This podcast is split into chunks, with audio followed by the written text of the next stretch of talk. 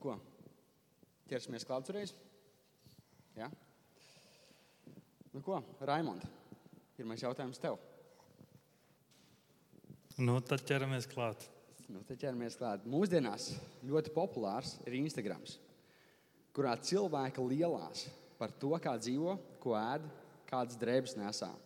Vai kristiešiem vajadzētu šādi reklamēt savu dzīvi? Labrīt, draugi! Man prieks būt, ka mēs atkal šajā jaunajā gadā varam atbildēt uz jautājumiem. Un paldies par jūsu jautājumiem. Un es gribu pateikt īpaši paldies mūsu tehniskajai daļai, ka vis, kas visu tā norganizēja un, un, un darbojas. Paldies jums! Jautājums ļoti, ļoti aktuāls. Mums visiem patīk saņemt aplausus un saņemt patīk vai nē sociālajos tīklos, kad mēs esam. Un vienalga, vai tas ir Instagram vai Facebook, bet mūs, mums ļoti patīk tā sajūta, kad mūs ievēro kāds, kad mums seko daudz cilvēku. Un, es lasīju tādu interesantu lietu par cilvēku ķermeni, kad cilvēku ķermeni izdalās tāda viela, ko sauc par dopamīnu. Dopamīns ir viela, kas dod tādu apmierinātības, jeb laimes sajūtu.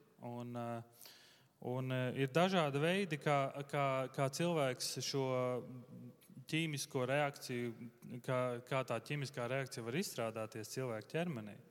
Bet viena no lietām ir, tad, kad cilvēks ir sociālajos tīklos vai lieto telefonu, šī ķīmiskā viela izdalās cilvēka ķermenī pēkšņi sajūti tādu apmierinātību.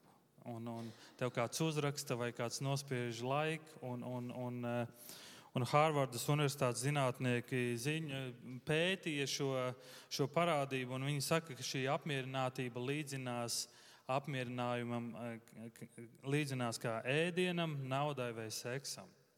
Šī apmierinātība un patiesībā šie sociālie tīkli kļūst eh, nu, tāda jau kā atkarība patiesībā. Bet uh, tu lielies ar to, ko tu, ko tu mīli. 1. Jāņa 2.15 ir rakstīts, nemīliet pasauli, nec to, kas pasaulē. Ja kas pasauli mīl, tajā nav tēva mīlestības. Jo viss, kas ir pasaulē, miesas kārība, acu kārība un dzīves lepnība, tas nav no tēva, bet ir no pasaules dzīves lepnība. Tas nav no tēva, bet ir no pasaules. Un šīs ir trīs lietas, ar ko sātans visvairāk mūs kārdina. Un, eh, un šie sociālie tīkli mūs maldina ar to, ka mums liekas, mēs uh, sociālajos tīklos esam kaut kas cits, bet reālajā dzīvē ir kaut kas cits. Bet patiesībā Dievs ir visur. Dievs redz katru komentāru, Dievs redz katru bildi. Un tāpēc labs princips, ko ņemt vērā, ir sakām vārdu 27.2. Lai cits tevi liela ne paša mute, svešas ne tavas lūpas. Bet nevis ar domu ieliec bildi un lai citi tevi liela, bet, eh, bet eh, tas aicinājums ir nelielies ar lietām, ar lietām kas tev ir. Un Bībele aicina mūs nelielīties. Un Jeremijas 9. man ļoti patīk šie, šie vārdi, ko viņš saka. Gudrais, lai nelielās ar savu gudrību, stiprais, lai nelielās ar savu spēku, bagātais, lai nelielās ar savu bagātību, bet kas grib lielīties, lai lielās ar savu atziņu, ka viņš mani pazīst. Un es domāju, uz kristiešiem tas attiecās ļoti, kad mēs lielamies ar to, ka mēs Dievu pazīstam. Un uh, sakām vārdi arī ir pants, sestajā nodaļā saka, seši ir, ko kungs nīst sešas lietas, un septītā viņam derdzes. Un pirmā no tām ir lepnīgas acis.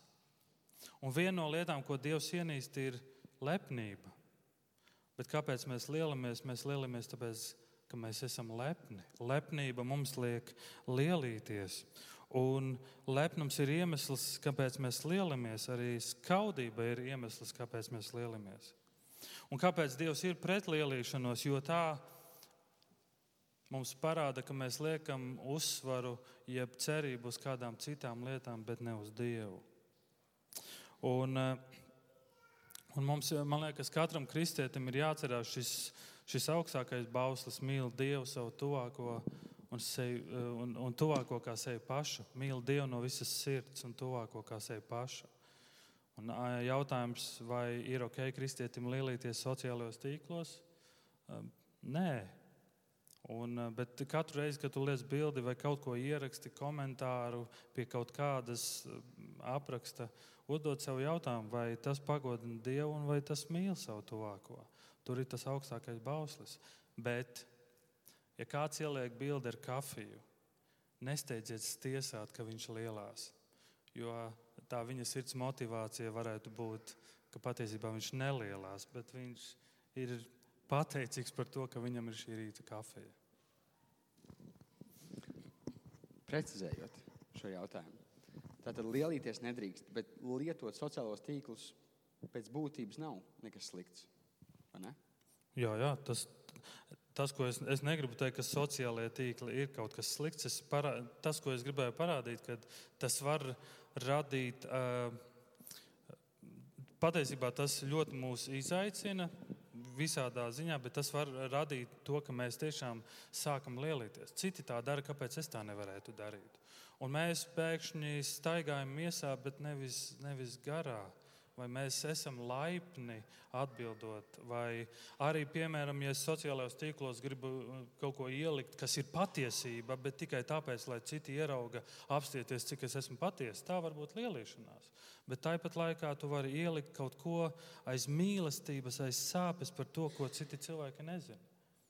Bet sociālajie tīkli nav, nav slikti. Paldies, ka precizēji. Marku, nākamais jautājums tev. Šis ir tāds fundamentāls dzīves jautājums. Kāds ir cilvēka dzīves mērķis? Tu Instagramā esi par to runājis, bet padalies arī draudzē, lūdzu. Jā, labrīt, no manas puses arī. Jā, Reiki, jau pieminēts tas pats Instagram. Kas ir Instagram? Instagram ir sociālais tīkls, kurā tu vizuāli um, dalies ar saturu ar uzsvaru uz vizuālu bildes un video. Um, jā, nu, um, es esmu par to runājis Instagram, un varbūt papildinot to, ko Raimons tikko teica, ka um, arī Instagram var lietot labiem nolūkiem. Un, ja mēs redzam, ka cilvēki arvien vairāk uzturās tur, tad es domāju, ka tas pat ir uh, svarīgi, ka mēs esam arī tur aizsniedzami. Un, uh, ka, ka nav tā, ka mēs pasakām, nu jā, ka tas ir tikai slikts kaut kas. Bet um, cilvēki tur ir. Un, uh, ja mēs tur nebūsim un viņus neuzrunāsim, tad uh, ir daudz citu, kur viņus uzrunās uz citiem mērķiem un aic, ar citiem aicinājumiem. Um, jā, un es arī um, es veidoju tādus jautājumu atbildžu, um, tādus svētdienās um, iespēju, kur, kur cilvēki atsūta kādus jautājumus arī, un tad es esmu mēģinājis vienkāršā, īsā, kodolīgā veidā sniegt atbildes. Un tad um, viens no šiem jautājumiem bija par cilvēku dzīves mērķi. Un, un tas, kā, kā es to redzu, ir, ka, ka tā ir kā tāda. Kā tāds komplekts no, sastāvošs no divām lietām, un tas attiecas uz mums pilnīgi visiem dzīvē. Tas nav tā, ka tas ir tikai mans dzīves mērķis, vai, vai jā, Toma, vai Girta, bet, um, bet tas attiecas uz pilnīgi mums visiem. Un, uh, šīs divas lietas ir vertikālā jēga un horizontālā jēga. Un, ja jūs paskatīsieties tur augšā uz krustu, tad patiesībā tas, ko Jēzus ir izdarījis, viņš ir tieši to arī atnesis.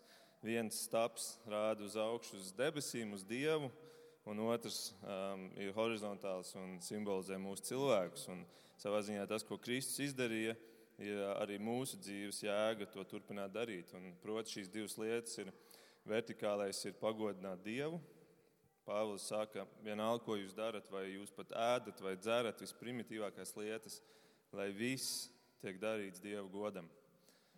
Un, un tā otrā horizontālā ir, ka, ka mums ir dotas dāvanas, gan, gan talanti, fiziski talanti, gan arī gara dāvanas mums, kristiešiem, tajā brīdī, kad mēs piedzimām. Mums svētais gars iedeva līdzi talanti, gara dāvanas, vienu vai vairākas un, un ar šīm kalpot mūsu līdzcilvēkiem. Un tikai tad, kad ir šīs abas lietas, tad es, es ticu, ka tikai tad cilvēks arī ir patiesi piepildīts šajā dzīvē.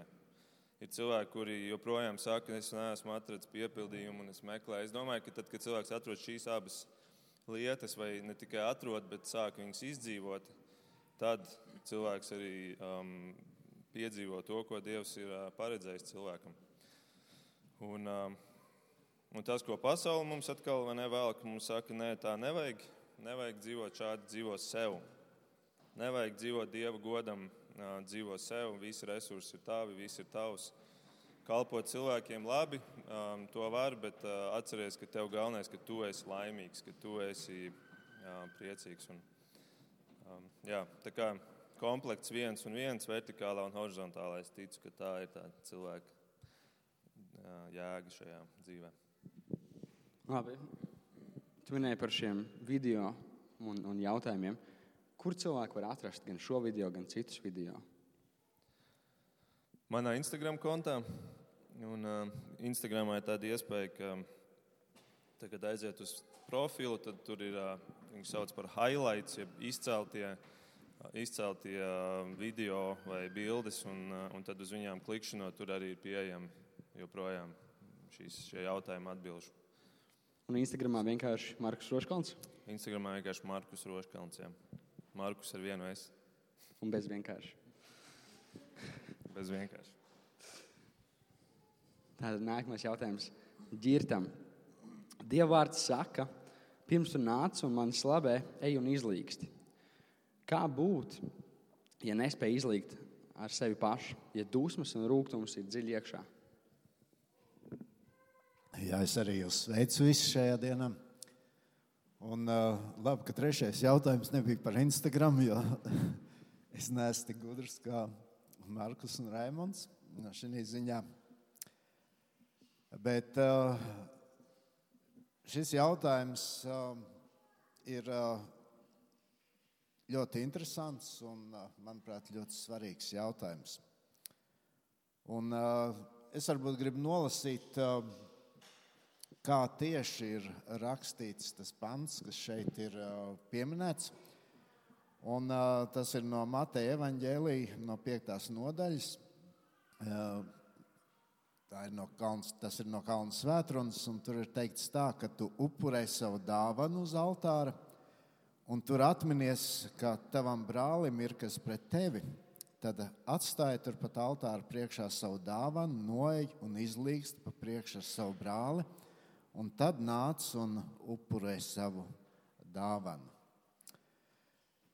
Uh, faktiski jau uh, man ir jā, jāsaka, Markus tādu ievadu uh, jau šim jautājumam pateica, kad iet runa par cilvēku dzīves mērķi. Un, viņš pieminēja šis horizontālais virziens un šis vertikālais virziens. Un, arī šis jautājums runā par, um, par attiecībām, par mūsu savstarpējām attiecībām ar cilvēkiem, un uh, tur ir arī šīs mūsu attiecības ar Dievu. Bet uh, es vispirms gribu drusku par tām dusmām. Uh, un uh, Bībelē diezgan daudz šis vārds ir pieminēts. Vecā derībā ir sevišķi ļoti daudz, un, uh, un uh, mēs tur daudzas lietas varam izlasīt par dieva dusmām. Un, uh, un kā cilvēki ir viens uz otru dusmojušies.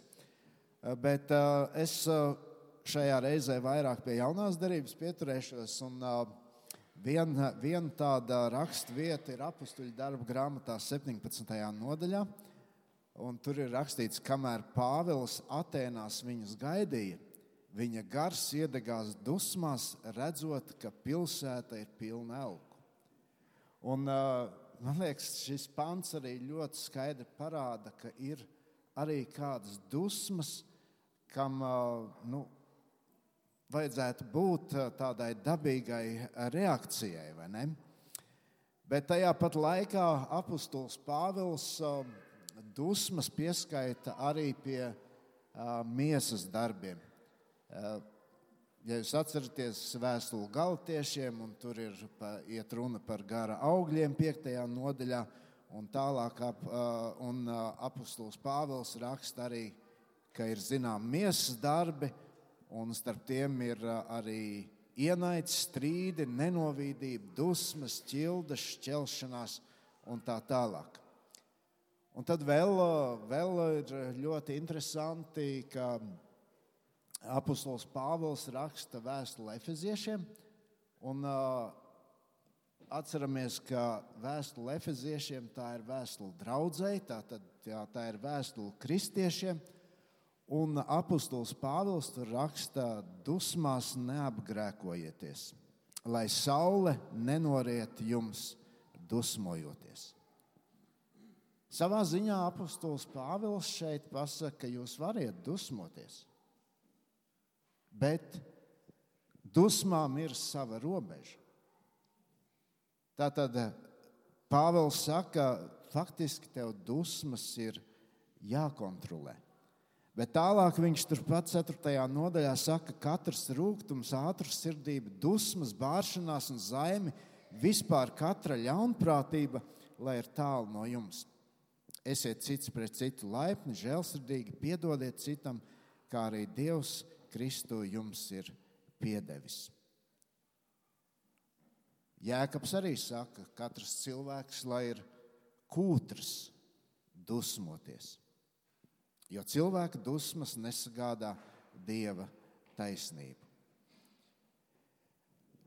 Dažas svarīgas lietas.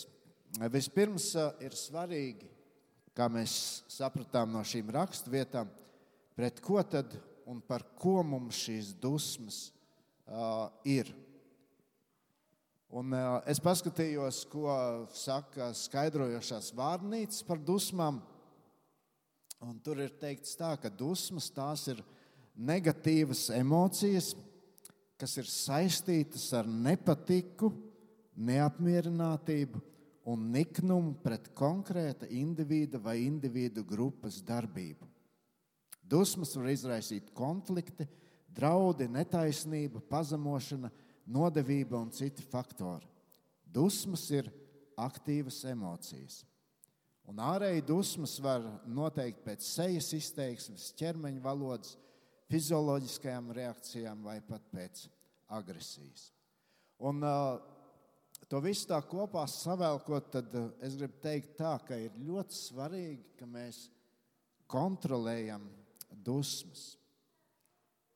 Un dzīve rāda, ka dusmas var sagraut un izrādīt jebkuras attiecības. Un te es domāju, gan cilvēku savstarpējās attiecības, un ja tu sevī šīs dusmas turi uh, iekšā kā šis jautājums saka, ko man darīt. Tas grauj arī tavas attiecības ar Dievu. Ārste saka, ka dusmas iedragā cilvēku veselību. Bet uh, tas skumjākais ir tas, ka daudzi cilvēki savas dusmas mēģina attaisnot un negrib par tām uzņemties atbildību. Jautājums sākums pasaka ļoti skaidri. Ej un izlīgst. Ej un izlīgst. Protams, bieži vien problēma ir tā, ka, ka cilvēks, kur, pie kura tu varbūt aizēji, viņš nemaz negrib izlīgt.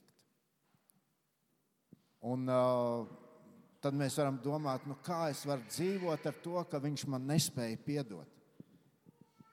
Bet pirmajā Jāņa vēstulē, pirmajā nodaļā ir teikts tā, ja mēs dzīvojam gaismā, kā viņš ir gaismā, tad mums ir sadraudzība savā starpā, un viņa dēla Jēzus asins šķīsta mūs no visiem grēkiem. Ja sakām, ka mums nav grēka, tad maldinām paši sevi, un patiesība nav mūsos. Ja atzīstamies savos grēkos, tad viņš ir uzticīgs un taisnīgs, ka viņš mums piedod grēkus un šķīsta mūs no visas netaisnības. Tātad Bībele saka, vispirms staigā gaismā.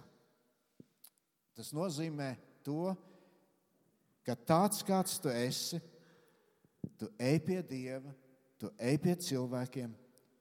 Ja tu esi vainīgs, tad lūdz atdošanu. Un ja tas tā notiek, tad Dieva vārds šeit garantē, vienu lietu. Jēzus asinis šķīsta mūs no visiem grēkiem. Dievs mums piedod. Ļoti svarīgi ir saprast, mēs visi, mēs visi esam grēcinieki. Un svarīgi ir pieņemt šo Dieva doto atdošanu caur Jēzu Kristu. Un, ja mēs to pieņemam, tad mēs varam iet un slavēt Dievu, un mēs varam bez kaut kādām problēmām skatīties uz cilvēkiem. Vai tad mēs varam izlīgt un piedot arī pašu sev? Protams, arī pašu sev. Paldies. Raimond, nākamais jautājums ir tev. Vai cilvēks drīz dusmoties uz Dievu? Un kādas ir iespējamās sekas šādām dusmām? Ko par to saka Dieva vārds? Baigi interesanti, vai ne? Kad Instagram un tad dusmas, tādas lielas tēmas, un mēs varam pamanīt, kas ir tās lielās tēmas. Kad es lasīju šo jautājumu, man, man nāca prātā kāds, um, kāda anekdote. Klasē skolotāja bērniem saka, ka bērni dieva nav. Un tagad visi parādīsim figu uz debesīm. Un Pēterīts saka, skolotāji, skolotāji, ja dieva nav, tad kāda jēga mums to darīt? Bet, ja Dievs ir, kāpēc, kāpēc taisīt nepatikšanas? Un, es domāju, tas jau arī daudz ko ģirds teica, ka par dusmām ir, ka, nu, ja domājat par dusmām, dusmas var iedalīt tādās svētās dusmas un dus, miesīgās dusmas, dusmas, kas rada grēku. Dusmas ir atbildes reakcija uz kaut ko, kas ir noticis, vai ne? Mēs dusmojamies eh, par kaut ko. Un šis jautājums, vai cilvēks drīkst dusmoties uz Dievu, interesanti būtu parunāt ar pašu jautātāju, ko, ko šis jautātājs domā, vai cilvēks drīkst dusmoties uz Dievu. Ja tas jautājums, vai es varu, ja es dusmojos uz Dievu tādā veidā, ka man ir taisnība, tad, tad nē tad tas nav iespējams. Jo, ja tu dusmojies par kaut ko, ko Dievs ir darījis, un tev tas nepatīk, tad uh, Bībele saka, ka Dievs ir svēts, Dievs ir suverēns, Dievs ir taisnīgs. Visu, ko Viņš dara, Viņš dara pēc sava labā prāta. Un romiešiem astoņi teikt, ka vi, tiem, kas Dievu mīl, visas lietas nāk par labu. Un ne visas lietas mēs saprotam. Un bieži vien mēs dusmojamies tāpēc, ka mēs saprotam, ka mēs lietas nespējam kontrolēt. Mēs saprotam, ka Dievs visu kontrolē. Bībelē mēs lasām par Ābelu un Kainu, un mēs redzam, ka Kains, Kains savā skaudībā nogalina savu brāli, dusmās. Mēs redzam dusmas, kas kas liek grēkot. Bet tāpat laikā mēs lasām par, eh, tur ir pravietis Nātans, kurš nāk pie, pie Dāvida un stāsta viņam šo stāstu.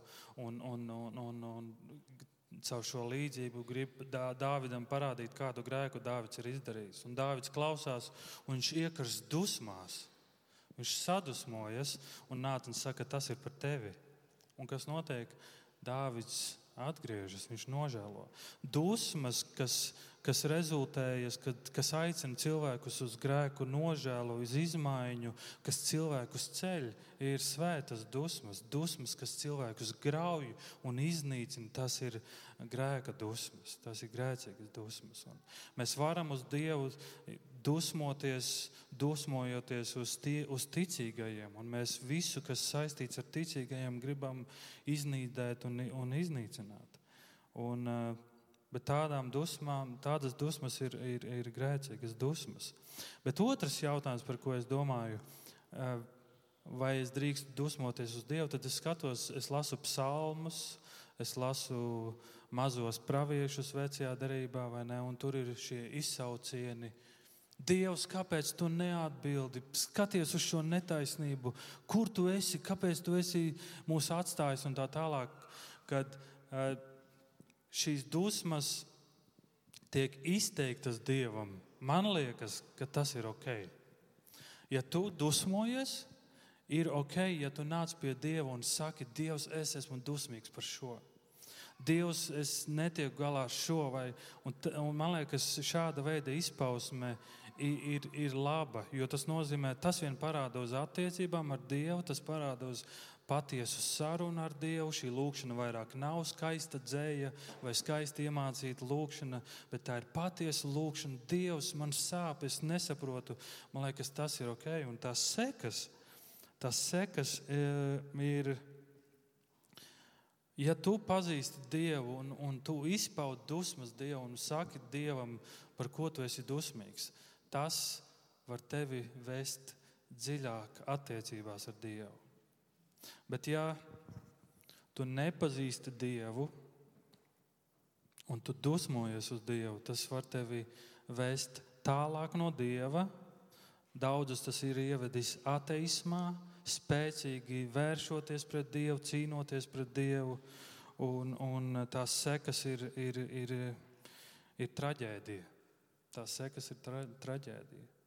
Izrādās, farizēji, kuriem vajadzēja būt Dieva pārstāvjiem, sludināt un, un vēst tautu tuvāk Dievam, viņi dusmojās uz Dievu.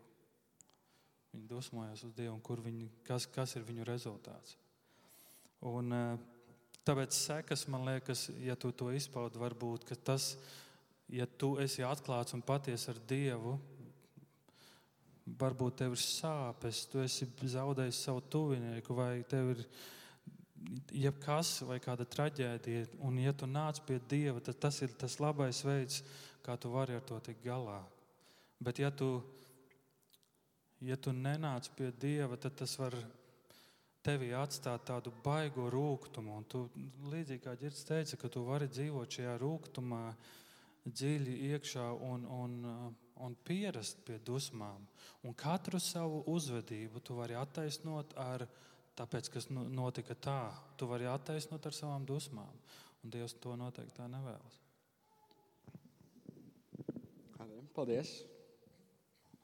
Girt. Nākamais jautājums tev.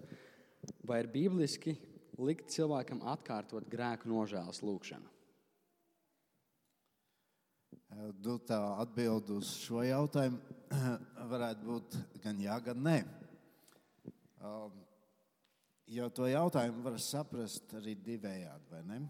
Vai ir bibliski likt cilvēkam atkārtot grēku nožēlas lūgšanu? Uh, mēs varētu domāt par to, vai mums atkārtoti vajag lūgt grēku nožēlas lūgšanu.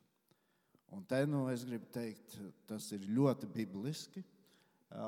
Mums tas ir jādara atkal un atkal, un mēs jau lasījām šo, šo pantu no pirmās Jāņa vēstules, pirmās nodaļas, kur ir teikts, ja mēs sakām, ka, mums, ka mēs neesam grēkojuši, tad mēs padarām Dievu par meli, un viņa vārdi nemājo mūsos. Mums katram atkal un atkal ir jālūdz Dievs piedod man, manus grēkus. Bet uh, varbūt droši vien vairāk tas ir domāts uh, šis jautājums uh, par to, vai ir bibliski likt cilvēkam atkārtot, sakot priekšā kādus vārdus vai ne. Un, uh,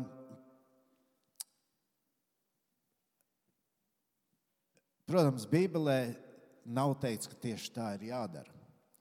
Bet, uh, nu, ko es varu teikt? Es esmu viens no tiem, kurš ir atkārtojis šo lūkšanu aiz kāda cilvēka. Uh, tāpat laikā es esmu piedalījies lielos evanģelizācijas pasākumos, gan šeit Rīgā, gan arī citās vietās. Un, un, un tad parasti mums bija tāds anketas, vai ne, kad nu, tur tu izskaidroji cilvēkiem kādas pamat, pamat patiesības par Kristu un kāpēc tev ir grēki jānožēlo.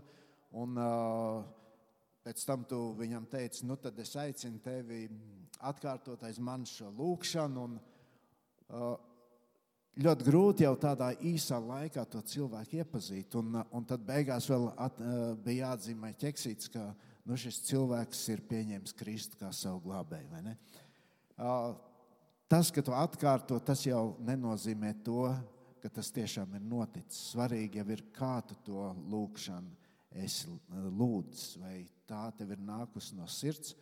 Un, ja es runāju par sevi, tad toreiz, kad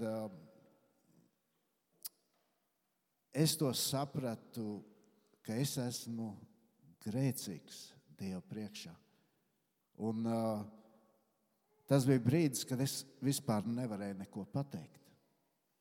Man, uh, man bija asaras, uh, es biju salauzts, sagrausts. Un paldies Dievam, man bija blakus cilvēks, kurš teica, nu, pasaki šos vārdus Dievam. Pasaki. Un uh, es līdz šai dienai to neesmu nožēlojis. Bet Bībele arī saka tā, ka uh, nu, uh, mācekļi arī Jēzum uzdeva jautājumu, viņi bija klausījušies lūgšanas. Faktiski mēs varētu teikt, arī šī, pasakot priekšā, tā ir mācīšana lūgt. Jēzus arī uz mācekļu jautājumu, kungs māca mums Dievu lūgt. Itin kā Jānis ir mācījis savus mācekļus, Jēzus viņiem mācīja lūgt. Jēzus viņiem mācīja tēvreiz, kur mēs jo, joprojām atkārtojam. Tieši tā. Paldies, tev, Ģip. Mārku, nākamais jautājums ir tev. Vai mums vajadzētu dziedāt Hilsong vai Bētela dziesmas, ja šādās draudzēs nav pārāk laba mācība? Ko darīt, ja sirdsapziņu pārmetumu dēļ ir grūti dziedāt līdzi to zinot? Jā, paldies par jautājumu. Ja godīgi, tad, kad es lasīju cauri iesniegtos jautājumus, man par šo bija, es biju pārsteigts. Um, bet uh, pozitīvi pārsteigts, jo tas, ka šādi jautājumi nāk no draudzes cilvēkiem, nevis no sludinātājiem vai tiem, kur ikdienā varbūt vērtē dažādas mācības. Tas uh, man liekas ļoti, ļoti pozitīvi un tā ir laba zīme. Es priecājos par šo jautājumu. Um, Varbūt es īsi pastāstīšu, kas vispār ir Hilsong un Bētela draudzes tiem, kur varbūt ar to nav saskārušies. Un Hilsong draudz ir principā pentekostāla draudzē, kas ir dibināta Austrālijā un tagad izplatusies globāli pa visu pasauli. Un, tās dibinātāji ir Brians Hjūstons ar sievu, un viņi abi arī sludina. Sieva arī sludina draudzē. Un, viņiem tas uzsvars tajā viņas, viņu draudzes dzīvē ir uz tādu kontemplatīvu, uz sevi vērstu, varētu teikt, um, pielūgsmes formu. Respektīvi, ka tu vairāk liec uzsvaru uz cilvēku un, uh, un nevis uz dievu. Un uh, viņu, piemēram, uh, ticības apliecībā ir uzskaitīts tas, ko viņi, ko viņi, kam viņi liek uzsvaru, un viņi gandrīz precīzi citē apstuļu darbu 2.42, kur ir teikts, ka Viņi bija uzticīgi apstuļu mācībai, sadraudzībai, maizes laušanai un lūkšanām. Bet viņi ir izņēmuši vārdus apstuļu mācība no, šīs, no, šīs, no šī panta, jo viņi uzskata, ka, ka tā apstuļu mācība, kas toreiz bija, vairs nav šodien tādā formā aktuāla, jo tagad ir visādi citi pravieši un tā saucamie apstuļi, kuri ar savām atklāsmēm liek klāt tai mācībai, kas toreiz tika iedota. Un, un, tad, un tad tas viss, nu, principā, arī, arī augļojas, jeb, jeb ir nonācis līdz tam, ka viņiem ir labklājības teoloģijas aspekti, kur viņi, piemēram, māca, ka Dieva griba ir, ka visi cilvēki ir fiziski veseli. Un tāpēc, piemēram, Brains Justons no skatuves vienreiz uh, publiski teica, ka viņš nekad nav bijis slims. Viņš nekad nav bijis nopietni slims, uh, jo, ja viņš būtu slims, tad tā būtu uzreiz uh, ļoti slikta priekšzīme draudzēji ticības trūkums. Nu tā, un, savukārt Bētels draugs ir harizmātiska draudzene no ASV, un viņu mācības teikt, ir vēl drūmāka. Tādā ziņā es piekrītu šim cilvēkam, kurš ir uzdevis jautājumu, ka, ka tā mācība ir, nav pārāk laba mācība, tādā maigā formā izteikts. Un papildus tam, ko es tikko uzskaitīju, viņiem vēl ir aspekti tādi, ka viņi, piemēram, māca Brains Just, Bills Johnsons, ir tas dibinātājs, un viņš ir ir sarakstījis grāmatas. Viņš piemēram māca, ka, ka vajadzētu iet un, un viņus to sauc par kāpu sūkšanu, grave sucking. Tev, ja ir nomiris kāds cilvēks, kurš ir bijis sludinātājs, tad viņam ir bijis um, svaidījums no dieva. Un šis svaidījums nedrīkst iet bojā, respektīvi viņš ir nomiris, viņa ķermenis ir zem zemes, un viņā ir iesprostots pēdiņās svētais gars. Un tāpēc cilvēkiem vajag iet, uzgulties virsū šī kapa un sūkt ārā to, to svaidījumu. Un, un tādas, nu, jūs varbūt domājat, ne, ko es te runāju, bet, bet tas, tas, tas, tas ko, viņi, ko viņu mācītājs māca. Un, un tad viņiem vienā draudzes pasākumā, draudzes dievkalpojumā pēkšņi mācītājs paziņoja, ka tuviņš svētais gars nāks. Un, um, un viņu nosauc par godības mākoni. Beigās kamerās varēja redzēt, ka tas ir tādi zelta, zelta spīdumiņi, kas ir vienkārši no ventilācijas trūkumas izpūst un viss tur histērijā kliedz. Un par šo internetā var daudz atrast, kā cilvēki, teologi, jeb, jeb mācītāji ir analizējuši to un, un kritizējuši viņus par šo. Un tad ir dziedināšanas pasākumi viņiem regulāri. Viņiem ir uguns tuneļi, kur cilvēkus uh, sastājās rindās un tad laiž cauri un, un dod. Viņi saka svēto garu, un tad viņi sāk smieties un vārtīties pa zemi. Un, um, un tas viss, tā, tās pazīmes ir kaut kas ļoti līdzīgs, kā ir hinduismā tā saucamais um, kundalīnī kults, kur viņiem ir precīzi tādas pašas. Viņi smējās, vārtās pa zemi, viņi raustās. Un, Nu tā, es vienkārši gribēju iezīmēt, kas ir šīs divas draudzes. Viņas, viņām ir tas kopīgs, ka viņas ir pasauli principā iekarojušas caur mūziku. Viņām ir ļoti spēcīgas mūzikas nozares savā draudzēs, un viņi ir, viņi ir iekarojuši pasauli lielā mērā caur mūziku. Un, un, un arī mēs par etam, manuprāt, par etam dziedam arī kādas no šīm dziesmām. Un atbildot uz šo jautājumu, kā attiekties pret tām dziesmām, es teiktu, ka mana atbilde ir divējādi. No vienas puses, protams, jūs dzirdējāt, kas ir tā, tā mācība. Tāpēc es domāju, ka nu, viena, viena puse noteikti mums ir jāuzmanās. Un es personīgi, ja viss būtu, teiksim, nu, ja, ja es izvēlētos dziesmas kaut kādam savam pasākumam, es neiekļautu šādas dziesmas, jo es uzskatu, ka ir svarīgs šis piemēra spēks ja mēs um, dodam kaut ko no kāda autora vai avota, tad mēs nevaram izslēgt to, ka cilvēki, kuri to lietos, viņi pēc tam ne, sāks interesēties par to un, un nonāks ne, no mūzikas līdz video lekcijām un, un, un grāmatām un beigās līdz tai mācībai. Uh, tāpēc arī svētdienās es esmu kādreiz apzināti neiekļāvis kādu labu citātu tikai tāpēc, ka es zinu, ka tas autors ir tāds, kur es negribu, ka, ka draudzene pēc tam pēta šo cilvēku tālāk un, un ņem kaut ko vēl no viņa. Tāpēc es domāju, ka piemēra spēks ir spēcīgs un tāpēc ir jābūt uzmanīgiem.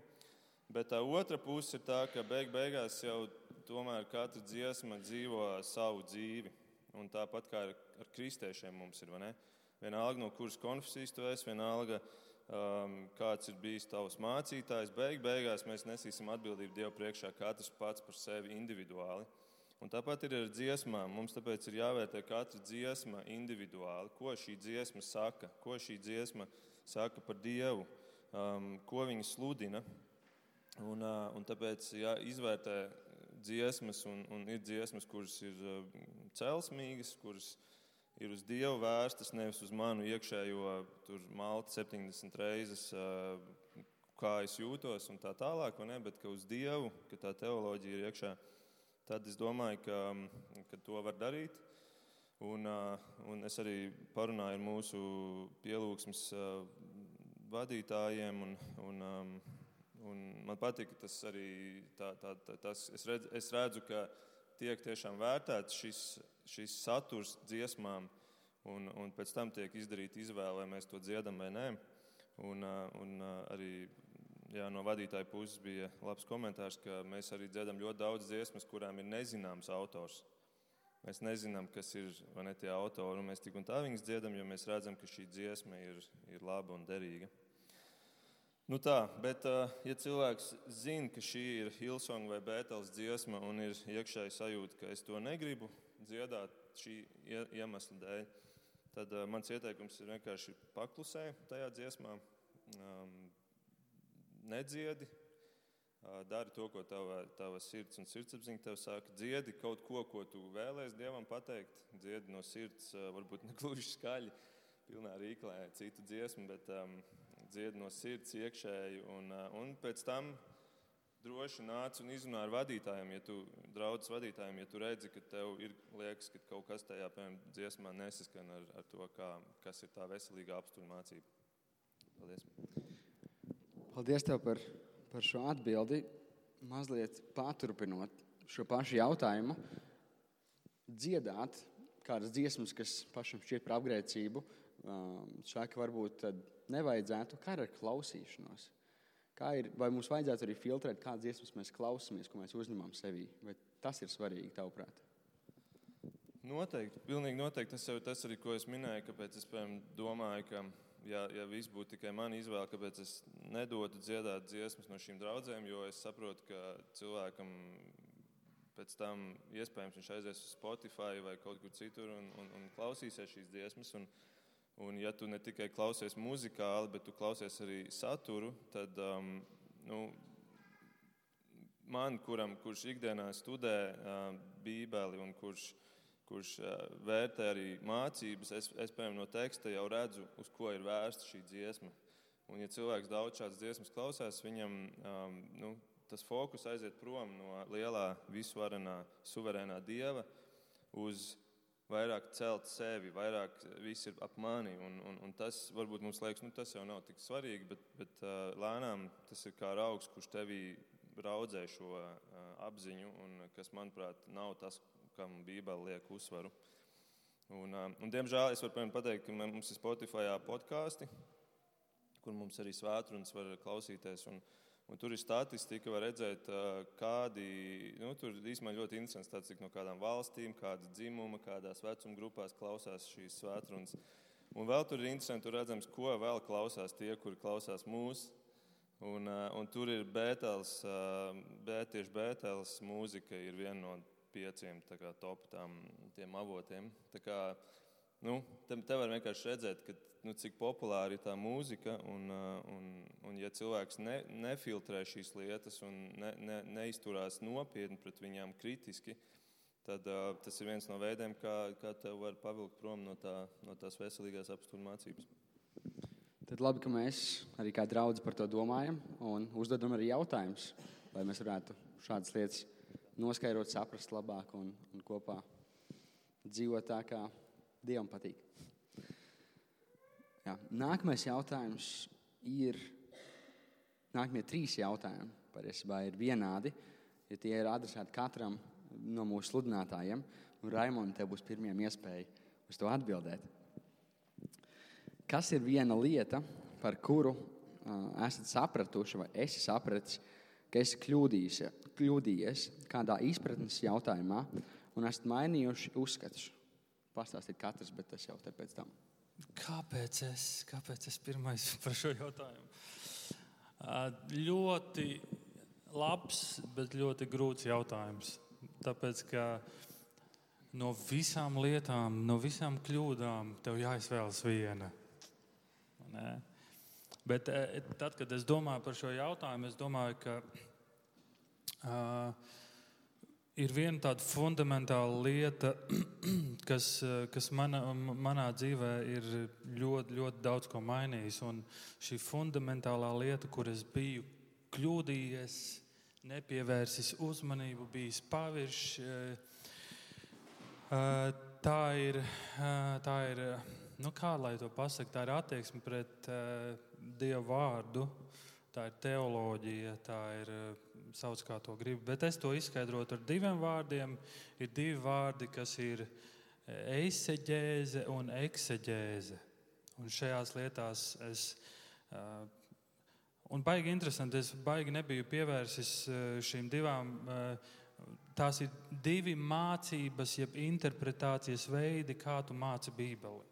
Un, un ja cik daudz es atceros no savas jaunības, tad veids, ko es pielietoju, bija eiseģēze. Tas ir tāds e, interpretācijas veids, kad man ir doma, un es paņemu Bībeli, lai, lai savu domu savā ziņā apstiprinātu ar Bībeli. Bet es gribu pateikt savu domu, bet nevis kas ir Bībeles galvenā doma. Un ekseģēze ir pilnīgi pretēji. Es, eh, es interpretēju, jeb skaidroju rakstus no rakstiem, skaidroju rakstus ar rakstiem. Es lasu, kas tur ir rakstīts, un mēģinu saprast, ko raksti saka, un tad arī tā sludinu. Un, un, un šī, šīm mainoties, ir uh, radušies nežēlīgi daudz jautājumu. ir, ir, bet patiesībā uh, skatījums uz daudzām lietām ir ļoti, ļoti mainījies. Divas teoloģiskās sistēmas, arminianisms, kalvinisms. Veids, kā es uz tām lietām skatos, ir pilnīgi, pilnīgi mainījies. Vai, jo man liekas, šīs divas teoloģiskās sistēmas ļoti ietekmē veidu, kā mēs sludinām. Piemēram, man nesen bija saruna ar vienu, vienu mācītāju, un mēs runājam, un, un viņš man saka, tu zini, ko Raimonds vajag sludināt draudzēs, ka mums ir vairāk jālūdz. Āmen.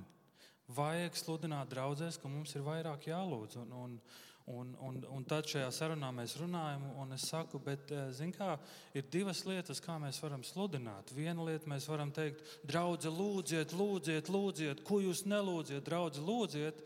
Vai otra lieta, mēs varam runāt un sludināt par lūgšanu, skatoties, kas mēs esam kas mums būtu jādara kā kristiešiem un kāpēc mēs nelūdzam.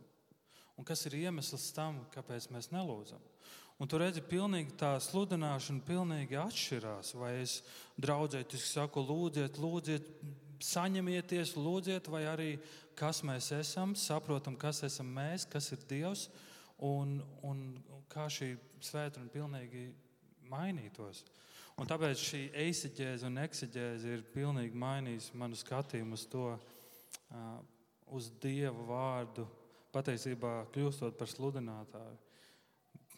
Jūs pat nevarat iedomāties, kam, kādiem jautājumiem esmu gājis cauri emocijām un sajūtām, un domājot par to atbildību, kas ir, kas ir man kā sludinātājam. Un, un, un, un tad tu sāc domāt, kas pietrūkst un tā tālāk. Un, Nu tā, tā kā es eh, teiktu, ka uh, eiseģēze un ekseģēze, kad uh, es biju kļūdījies lietojot eiseģēzi. Un starp citu, kad es biju eiseģēzes um, uh, teikt, piekritējis, tad es, es ļoti biju diezgan, diezgan vērsies pret ekseģēzi. Es teicu, nē, nevar būt, ka ir tikai viens veids. Ir ok, ja ir visi pārējie veidi galvenais sludini Dievu vārdu, un vienalga bez mazliet, bet sludini. Un, un, un, un tad, kad tas mainījās, tu saproti, ka, cik svarīgi, ka Dieva vārds ir autoritāte. Tas ir jāciena, ir svarīgi mācīties no Dieva vārda un saprast to domu. Nu, tā par mani, no nu, vīri. labi, ka es otrais, jo, nu, labi, ka es padomāju vēl par kādu lietu. Bet um, nu, šis ir jautājums, kur es varu drusku laika ietaupīt, vai ne? Uh, uz to, ko es esmu pārtērējis jau. Bet, uh, bet uh, tā viena lieta, par ko man vēl joprojām ir jādomā, un es vēl joprojām atrodu tajā kaut ko jaunu un īpašu, ir tas, ko mēs draudzē praktizējam svētais vakarēdienas. Es uzaugu es esmu uzaugusi Baptistu vidē. Baptistu draudzē no bērnu dienām, un man tas viss likās nu, pats par sevi saprotams. Es biju pieredzējis, nu, piemiņas mīlestības, piemiņas mīlestības, piemiņas mīlestības katru reizi. Bet uh, varētu teikt, man uh, ļoti daudz izmainīja jaunais Bībeles tulkojums. Jo tas man ļāva uz, uz, uz šo lietu paskatīties drusku savādāk. Jo uh, mēs jau esam pieraduši pie tā, cik kārt jūs no šīs maizes ēdat, no šī biķera dzerat. Jūs pasludināt tā kunga nāvi, līdz viņš atkal nāk. Un tas ir kaut kas daudz lielāks, nevis varbūt kā mūsu iepriekšējais tulkojums nebija tik skaidri to pateikt, nebija tik skaidri tajā tā, tas izteikts. Man visu laiku likās, nu, Mēs tagad esam kā draugi kopā to pieminējuši. Tagad iesim un, un, un, un kādam pateiksim, jā, tas, tas ir priekš mums ļoti svarīgi. Nē, tas ir ko tu no jauna izdzīvo. Ar to tu apliecini, Kristus par mums ir nomiris. Šī ziņā es savus uzskatus esmu mainījis. Jā. Jā, nu jā, ja tas ir vecajā tulkojumā ir teikts pavēles formā, bet šeit tas ir fakts. Mēs to darot, jau pasludinām. Um, jā, man, man tas, kas man ir, kur es noteikti esmu um, kļūdījies un tā kļūdījies, ka es esmu iepriekš uh, diskutējis karsti un teicis, nē, ir šādi, un tagad es esmu otrā pusē. Pilnīgi ir um, tas, ko jau Raimons pieminēja. Um, izredzētības jautājums, nu, Raimons viņu pieminēja kā divas sistēmas, arminianisms un kalvinisms. Bet uh, nu, es arī agrāk biju arminianismu piekritējis. Es, pat, es īstenībā uzskatu, ka sākumā visi ir arminianismu piekritēji, jo vienkārši tas ir, tas ir cilvēka prātam saprotamāk un tas liekas loģiski tādā cilvēciskā skatpunktā. Un, un tas, kas ir atkal tā otra puse, ir eh, bieži vien var teikt, tas ir neloģiski. Bet tieši tas, ka tas ir neloģiski, šī izredzētība ir neloģiska mūsu prātam, manuprāt, tas tieši parāda, ka Bībele ir no, nevis no cilvēka uh, radīta, ne, bet um, dieva radīta, ka tur ir dieva, dieva prāts. Un, Un, es, es pat vienā nometnē debatēju ar vienu luterāņu mācītāju. Es tajā laikā biju luterāņu draudzē. Un, mēs viņam bijām iedevuši vienam, vienai lūdziņai vai tam līdzīgam lasīt tekstu, kā teicējam, kā teicēja balsī. Un tā visa lūdziņa bija par, ar nosaukumu Mana izvēle. Laikam. Un viņš man pirms tās lūdziņas atnāk, viņš saka, nu, ka es izlasīju, bet es nevaru tam, nu, es nevaru tam piekrist.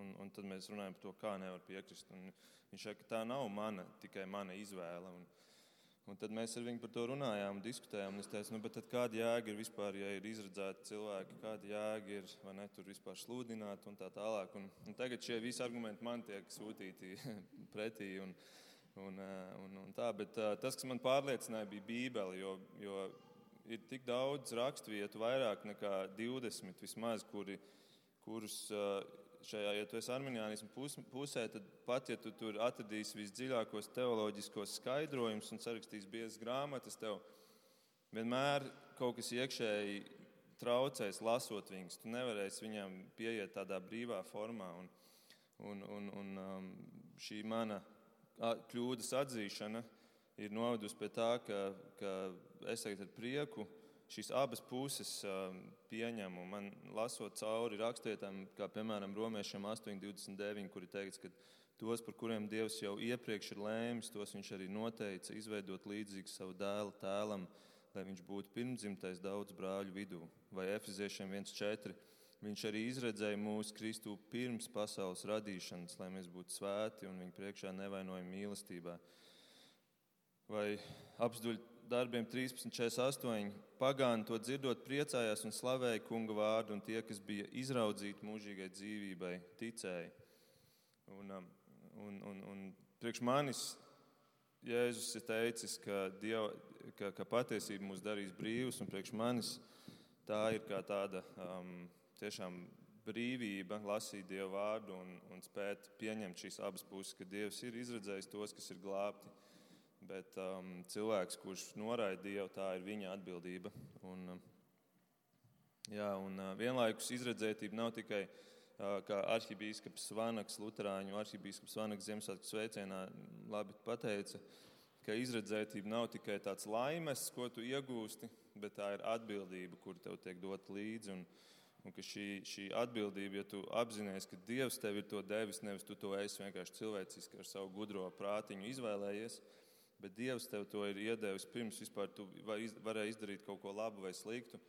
Šī apziņa, šai apziņai ir jādod tev ļoti liela atbildības sajūta. Un, un patiesībā tikai tāpēc, arī, ja gal, es teiktu, galvenokārt tāpēc es šodien sēžu šeit un, un jūtu atbildības sajūtu, ka es gribu kalpot Dievu dru, druvā un, un ka es esmu to visu saņēmis uh, tikai no žēlastības. Un, un, um, tam vajadzētu nevis padarīt tevi pasīvu, bet uh, tieši aktīvu.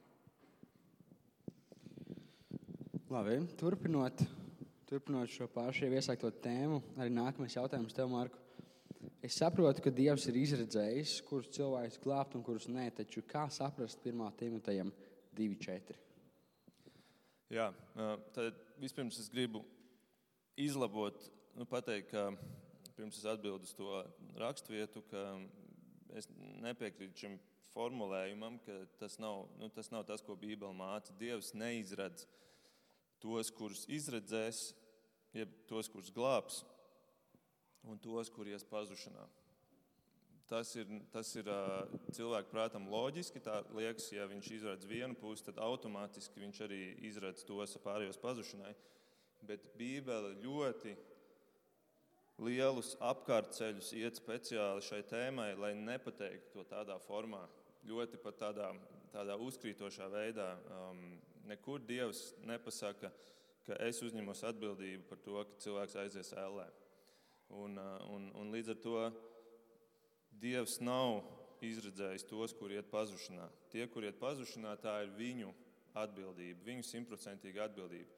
Un, un te mēs redzam, ka šīs divas lietas ir grūti savienot mūsu prātam, bet uh, tas ir viens no Bībeles paradoksiem, un tas ir viens no, kā es iepriekš minēju, apliecinājumiem, ka, ka šai grāmatai autors ir kaut kas lielāks nekā, nekā mūsu prāts. Un, un mums mācītājs Girts pēdējā laikā no rīta vienmēr atsūta lozungu vārdu, un dažreiz rīktīgi agri no rīta. Viņš ļoti agri ceļās, un šodien bija ļoti labs vārds, tur bija teikts, cik neizprotams ir viņa tiesas un neizdibinām ir viņa ceļi. Un es domāju, es ļoti ļoti var piekrist tam, cik neizdibināms, jeb, jeb neizprotams ir viņa tiesas. Mums liekas, ka tas nav loģiski, tas nav varbūt pat taisnīgi kaut kādā mērā. Bet, bet kas mēs esam Dievu priekšā? Ja Dievs to tā saka, kas mēs esam, lai tagad tiesātu viņu? Un atbildot, kas ir 1. Timotejam 2,4, tur ir rakstīts tā. Um, tur jāpaņem viens pāns vēl atpakaļ, lai saprastu to domu. Tur ir teikts tā, tas ir labi un atzīstami mūsu glābēji Dievu priekšā, kas grib, lai visi cilvēki tiktu glābti un nāktu pie patiesības atzīšanas. Un, te mēs te, te ir jāparunā par, diviem, par divām lietām. Pirmkārt, te ir rakstīts Dievs, kas grib. Un, un, lai, lai vispār pieķertos šim, šim pantam, viņu mēģinātu saprast, mums ir jā, jāuzdod sev jautājums, vai mēs ticam vispēcīgam Dievam, vai mēs ticam mazspēcīgam dievam. Ja mēs ticam visspēcīgam dievam, tad uh, dievs izdara visu, ko viņš grib. Jo viņš ir vispēcīgs. Viņam nav nekādu šķēršļu. Visu, ko viņš grib, to viņš dara. Ir pat, uh, pat vecajā derībā jau raksturvietas, uh, kur ir teikts, ka visu, ko viņš grib, to viņš dara, kā viņam patīk. Tāpēc uh, ja es, piemēram, gribu, es kā Markus, es gribētu, ka nākamā svētdiena visa Rīga, visi neticīgie Rīgas iedzīvotāji atnāktu uz dievkalpojumu, tad tas visticamāk nepiepildīsies, tāpēc ka es esmu mazspēcīgs. Bet, ja Dievs to gribētu, tad atnāktu visi cilvēki, un, un, jo Dievs ir visspēcīgs Dievs. Un tāpēc jautājums ir, kā mēs varam šo pantu saprast, kur ir teikts, ka lai visi cilvēki tiktu glābti, kā mēs varam viņu izdarīt saprast tā, lai mēs neuzliekam uz spēles dievu izpēcību. Ja? Un, uh, un tad, un tad tas, tas izšķirošais vārdiņš ir šis vārdiņš visi. Kā saprast, uh, ka lai visi cilvēki tiktu glābti? Un, um, pirmkārt, ir divi aspekti, un, un, un tad arī šis skaidrojums būs pabeigts. Um, vārds visi nevienmēr nozīmē simtprocentīgi visi Bībelē. Piemēram, Mateja evanģēlīja 3. nodaļā, 5. pantā ir teikts, ka pie Jāņa Kristītāja izgāja Jeruzaleme, visa Jūdeja un viss Jardāns apgabals. Mēs varam būt droši, ka neizgāja visas jūdejas, simtprocentīgi visi cilvēki, ieskaitot vecos, jaunos, bebīšus un zīdaiņus un tā tālāk. Šeit ir runa par to, ka no visa šī apgabala iznāca. Tur, tur nāca no visām malām, nevis simtprocentīgi visi. Vai Jāņa 8,2. Rīta agrumā viņš atkal bija templī, Jēzus bija templī, un visa tauta nāca pie viņa. Visa tauta noteikti neielīstu templī, tempļa pagalmā. Ja? Tātad tur nav runa par simtprocentīgi visiem. Un tāpēc šis visi pirmkārt nenozīmē simtprocentīgi visi, bet es pat ietu viens soli tālāk un es teiktu, ka šeit nav runas par kvali, kvantitatīvi visiem. Šeit nav runas par skaitliski visiem, bet šeit ir runa par kvalitatīvu visiem, par visa veida cilvēkiem. Un, uh, un tad, kad tu paskaties uh, kontekstu, un tas tam vienmēr ir jābūt, tas ir eksigēze pēc būtības, tas, ko arī Raimons minēja, ka tev ir vienmēr jāskatās uz kontekstu, par ko ir runa šajā visā domu gājienā. Tu nevari izraut vienu pantu ārā. Un tad mēs varam uzdot jautājumu, labi, vai konteksts uh, dod pamatu uzskatīt, ka šeit ir runa par, kval, par kvalitatīvu, atvainojos, par kvalitatīvu visu, visi šo, šo vārdu, ka visa veida cilvēki. Un, uh, Tur ir runa par ķēniņiem un vienkāršiem ļaudīm, tur ir runa par sievietēm un vīriešiem, un tur ir runa par jūdiem un pagāniem. Un viss konteksts vispār ir par to, ka pirmajā pantā, 1. Timoteja 2.1, ir teikts, vispirms es mudinu tevi izteikt lūgums Dievam par visiem cilvēkiem. Tad šis vārdiņš visiem jau stākās jau šajā domu gājienā. Un tad viņš uzskaita par ķēniņiem un visiem, kas ir augstos amatos, Un tad viņš saka, lai mēs mierīgi dzīvotu, mēs tātad esam tie, kas neesam tur augšā, bet esam parastā tauta. Tad viņš runā par pagāniem 7. pantā, iepratī jūdiem, kas ir pamat auditorija, mērķa auditorija. Tātad viņi tur pagāni un mēs. Un tad viņš 8. un 9. pantā saka, es gribu, lai visur, uh, lai vīri visur lūgtu, un tad 9. pantā tāpat arī sievas. Tad, tad mēs redzam, šeit, šajā visā domu gājienā ir runa par dažādu veidu cilvēkiem.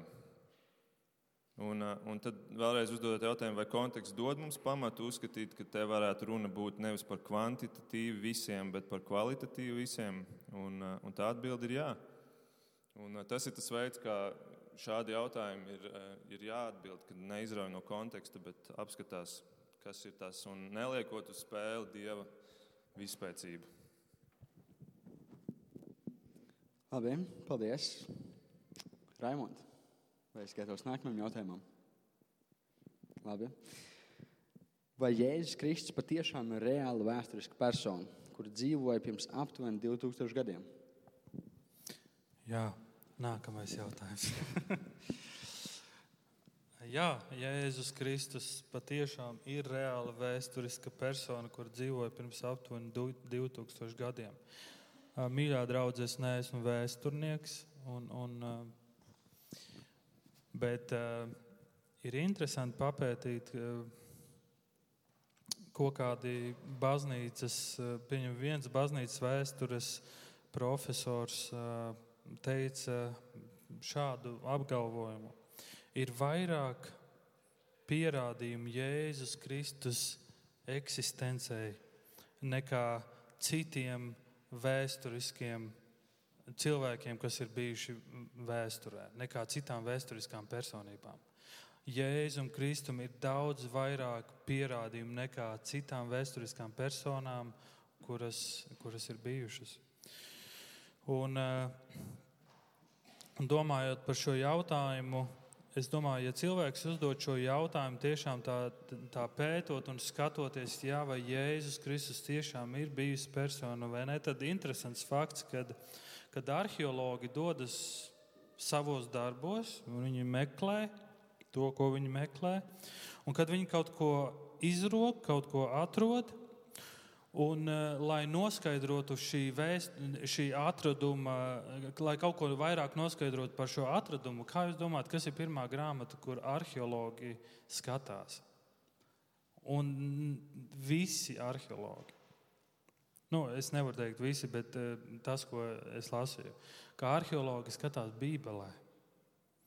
Interesanti, ka pirmā vieta, kur arheologi skatīsies, lai uzzinātu vairāk par šo vēsturisko uh, atradumu būs Bībele. Un, Bībele ir, ir, ir tā grāmata, kur acu liecinieki skaidri ap, apraksta par Jēzu Kristu, par to, ka ir bijis tāda persona, Jēzus Kristus, staigājis šeit uz zemes, ko viņš ir sludinājis, ko viņš ir teicis par sevi, ka viņš ir miris nāvē, krusta nāvē un kad viņš ir augšām cēlēs. Un, ja tu vēlētos apgāzt šo faktu, tad uh, ja tu vēlētos apgāzt šo faktu, ko tu censos darīt, tu noteikti sameklētu kādu cilvēku, kurš ir pret Kristu. Kādu ienaidnieku atrast vai nē. Un tu uz, uzaicinātu uz viņu, viņu uz tiesas zāli un, un, un iespējams liktu viņam liecināt. Un mēs lasām jaunajā derībā, jaunajā derībā ir tāds vīrs, kurš ir uzrakstījis ļoti daudz vēstules. Kā viņu sauc? Apostolis Pāvils. Iepriekš viņu sauca Sauls. Kas bija Sauls? Viņa, viņš bija Kristus ienaidnieks, Jēzus Kristus pretinieks, dedzīgs pretinieks. Bet, kad viņš sastopas ar Jēzu Kristu, viņš kļūst ticīgs. Un tur redz, ir, re, kur ir cilvēks, kurš ir bijis pretinieks Jēzum Kristum, un viņš satiekas ar Jēzu, viņš satiek šo per, vēsturisko personu, un viņš kļūst ticīgs, viņš izmaina savu dzīvi. Bija kāda radio intervija, patiesībā eh, diezgan svaiga radio intervija ar kādu ateistu, kāds eh, radio, kurš ir ar ateisma pieskaņu, uzaicināja šo ateistu uz interviju. Viņi, viņi šo interviju sāka ar jautājumu. Sāk ar jautājumu. Mēs zinām, ka Jēzus Kristus persona ir leģenda un mīts, un grib turpināt. Un šis vies, uzaicinātais viesis, kurš ir ateists, viņš pārtrauca šo, šo dīdžeju un viņš saka, mums ir jābūt atbildīgiem un godīgiem, jo ir spēcīgs pierādījums tam, ka ir bijusi šī persona Jēzus Kristus un ka viņš ir miris nāvē, piesis pie krusta par to un, un, un ka viņš sevi sauc par mesiju. Un tad šis ateists turpina. Un ir pietiekami daudz pierādījumu, ka, viņ, ka viņš ir augšām cēlies, bet es tam neticu. Tad šis ateists, pat būt, būdams godīgs, viņš atnāk uz rādio interviju un saka, stop, mēs nerunājam par leģendām, jo ir tik daudz pierādījumi. Ja mēs šos pierādījumus vienkārši norokam, mēs norokam visu vēsturi. Un ko tas nozīmē? Vēsturē runā romiešu vēsturnieks Tacīts. Viņš ļoti tieši runā par to, ka ir bijis, bijusi persona Jēzus Kristus. Vēsturnieks Svetonīgs, Tallas un viens no tādiem pazīstamākajiem vēsturnieks Josefs Flāvijs. Viņš savos materiālos ļoti daudz runā par personu Jēzus Kristus. Vēsturnieki runa, šie ir vēsturnieki, vēsturiskie materiāli, kas ir ārpus Bībeles, kas, kuri runā runā par to, ka ir Jēzus Kristus, ka ir šī persona Jēzus Kristus. Un šī persona Jēzus Kristus ir nākusi, lai, lai glābtu tos, kas lielās, lai viņi lielās ar Dievu, lai atbrīvotu mūs no dusmām, lai palīdzētu mums ar dusmām tikt galā, lai mainītu mūsu un palīdzētu ieraudzīt mūsu kļūdas, un ka mēs atzīstam un spējam, spējam noticēt, ka Viņš ir vienīgais ceļš pie Dieva. Tā kā ir ļoti daudz pierādījumu tam, un kā šis uh, uh, profesors arī uh, baznīcas vēstures profesors saka, ir daudz vairāk pierādījumu kā par citu vēsturisku pers personu. Tā kā paldies par jautājumu. Paldies par atbildi. Nākamais jautājums ir ģirtam. Ģirt, kādi ir diakonu pienākumi mūsu draudzē? Un šis pēdējais jautājums. Un, um, nu, man bija diezgan viegli. Es aizgāju tur, uh, stāvu tajā kastītē, mūsu draudzes nolikums un uh, iekšējās kārtības noteikumi. Tur ir četras lietas, kas uh, ir diakonu pienākumos mūsu draudzē. Kopā ar garīdznieku pasniegt svēto vakarēdienu, palīdzēt aizlūgšanās un dvēseli kopšanas darbā, atbalstīt draugus mācītāju sludinātāju rīkotos pasākumus un piedalīties LBDS darbinieku sanāksmēs. Tas, tas tur ir rakstīts, vai ne? Bet interesanti man pašam bija papētīt arī, ka pats vārds diakons, tas nozīmē kalps, jeb eh, tajā laikā eh, šis vārds absolūti nesaistījās ar draugu. Tas bija, bija cilvēki, eh, kas palīdzēja apkalpot cilvēkus pie galda. Un, šis vārds tika paņemts arī draudzes kontekstā, lai apzīmētu cilvēkus, kur palīdz. Un, uh, Varbūt tāpēc bieži vien Baptistu draugzēs tas uzskats, ir, nu, kas ir diakons. Diakons tas, kas pie svētā vakarēna kalpo, vai ne? Un viss. Bet, bet ja mēs Bībelē skatāmies un redzam pirmo draugu, tad uh, tur bija kāda problēma. Tur uh, uh, apstuļi netika galā ar tām daudzām vajadzībām, kas bija draudzē. Tad viņi teica, izvēlieties no savas vidus septiņus vīrus, un, un, uh, kas palīdzēs šīs lietas risināt. Tātad diakona pienākums Bībelē skatoties ir rūpēties par draudzes vajadzībām. Un vēl ir ļoti svarīgi, ka tie ir cilvēki, kuriem draudzene uzticas. Un, uh, Tāpēc apustulis Pāvils arī uzstāda diezgan augstu latiņu šiem cilvēkiem. Viņš runā par kādiem jābūt mācītājiem, biskupiem, un tur viņš saka arī, kādiem ir jābūt diakoniem. Bet pāri visam, es domāju, ir šīs rūpes par cilvēkiem. Un uh, bieži vien tas priekšstats ir uh, nu, Kāpēc diezgan grūti kādreiz ir uh, nu, cilvēku to aicini, un viņš tur saka, nē, nē, es jau neesmu cienīgs, es negribu, es nevarēšu.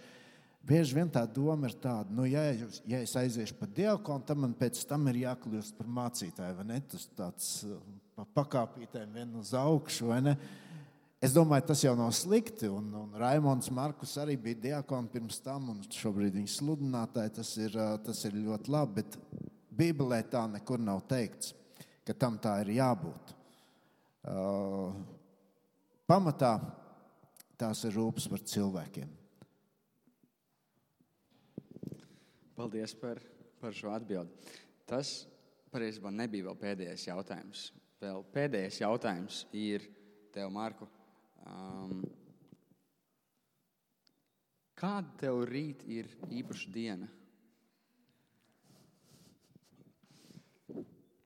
Nav nekas īpašs. Nav pilnīgi nekas īpašs.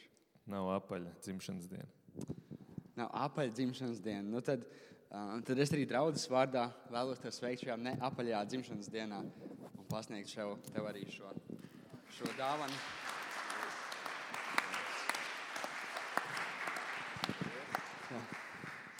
Un ar to arī noslēgsim. Paldies, paldies kungi, par jūsu atbildēm. Un, un ka mēs varējām visi būt šeit kopā. Tad jau gaidīsim arī uh, nākamajā jautājuma atbildžu dievkalpojumā 16. februārī. Jā, kad atbildēsim uz, uz citiem jautājumiem.